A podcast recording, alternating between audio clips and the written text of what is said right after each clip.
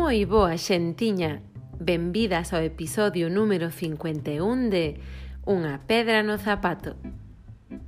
Na nosa vida adulta en moitas ocasións aferrámonos a alguén ou a algo, crendo que sen dita persoa ou cousa non podemos vivir. Poñemos todo o foco en algo ou en alguén externo a nós e entregamos nas súas mans a nosa capacidade de ser felices e incluso de sobrevivir. O apego Pode considerarse dependencia, obsesión e falta de confianza nunha mesma. Porén, hai un apego instintivo, pois os seres humanos chegamos a este mundo sendo dependentes totalmente das persoas adultas que nos coidan.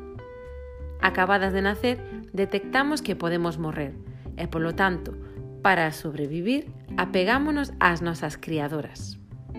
Son a nosa primeira fonte de amor e os nosos primeiros vínculos relacionais. O apego emerxe sendo necesario para a nosa supervivencia cando somos cativas, así que non é algo nocivo per se. É unha vinculación emocional moi intensa que sentimos cando somos pequenas con respecto ás persoas das que dependemos para a nosa seguridade, protección e consolo. E alén de ser algo que sentimos, o apego fainos comportarnos de determinada maneira e condiciona como nos relacionamos, incluso na nosa adultez porque temos inconscientemente como patrón de referencia o noso tipo de apego infantil. A teoría do apego atribúese a John Bowlby, aunque tamén me gustaría resaltar o traballo de Mary Ainsworth. Houbo moitas investigacións ao respecto que deron como resultado varias clasificacións dos tipos de apego infantil e adulto. Eu vou vos falar de catro,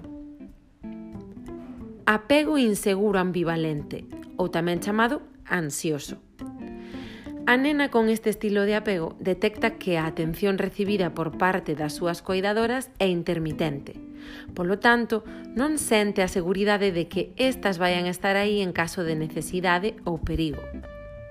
A adulta con este estilo de apego evita as súas emocións para non sentirse desbordada por elas e resultalle difícil vivir tanto a proximidade como o afastamento coas demais, sentindo ambivalencia, medo ao abandono e sensación de non ser adecuada e tamén pode derivar nunha gran dependencia emocional que fai que necesite da atención das demais para sentirse ben.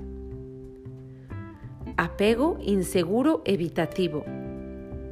A cativa con este tipo de apego viviu experiencias de rexeitamento nas súas condutas de aproximación cara ás súas figuras de coidado, polo cal sente que estas van desprezar ou burlarse dela se acude en busca de afecto ou axuda, e por iso trata de ser extremadamente autosuficiente.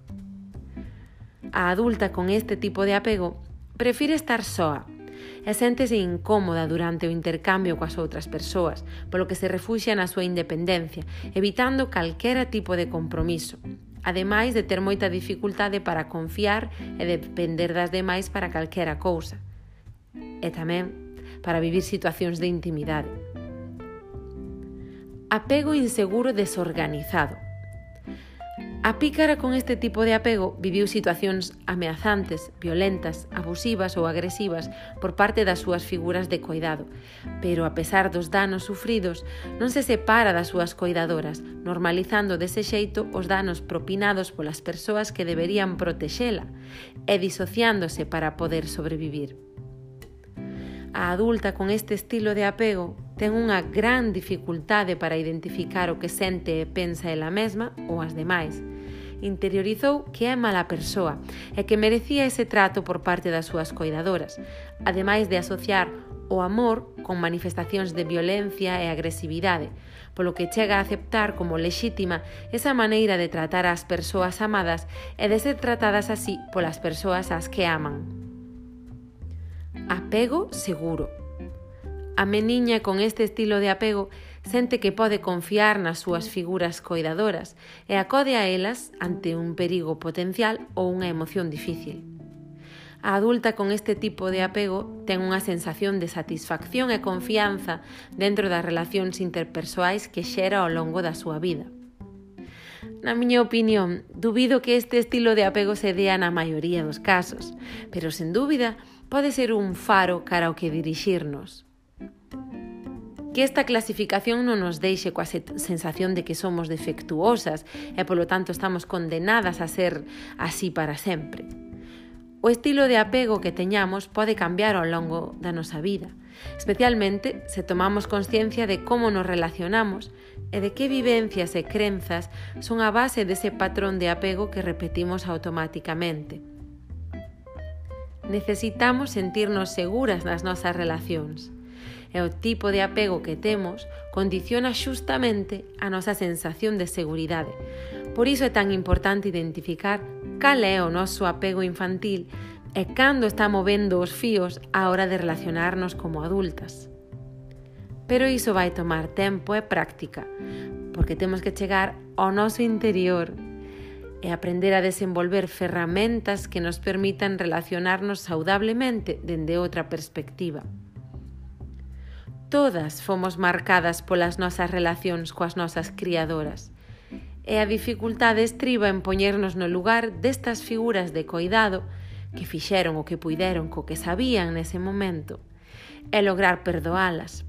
Así como ser conscientes de que agora, agora somos nós as nosas propias adultas responsables e por iso podemos coidarnos e atender as nosas necesidades nós mesmas. Sería precioso amar sendo capaz de ver as persoas e os sucesos sen o filtro da nosa interpretación persoal.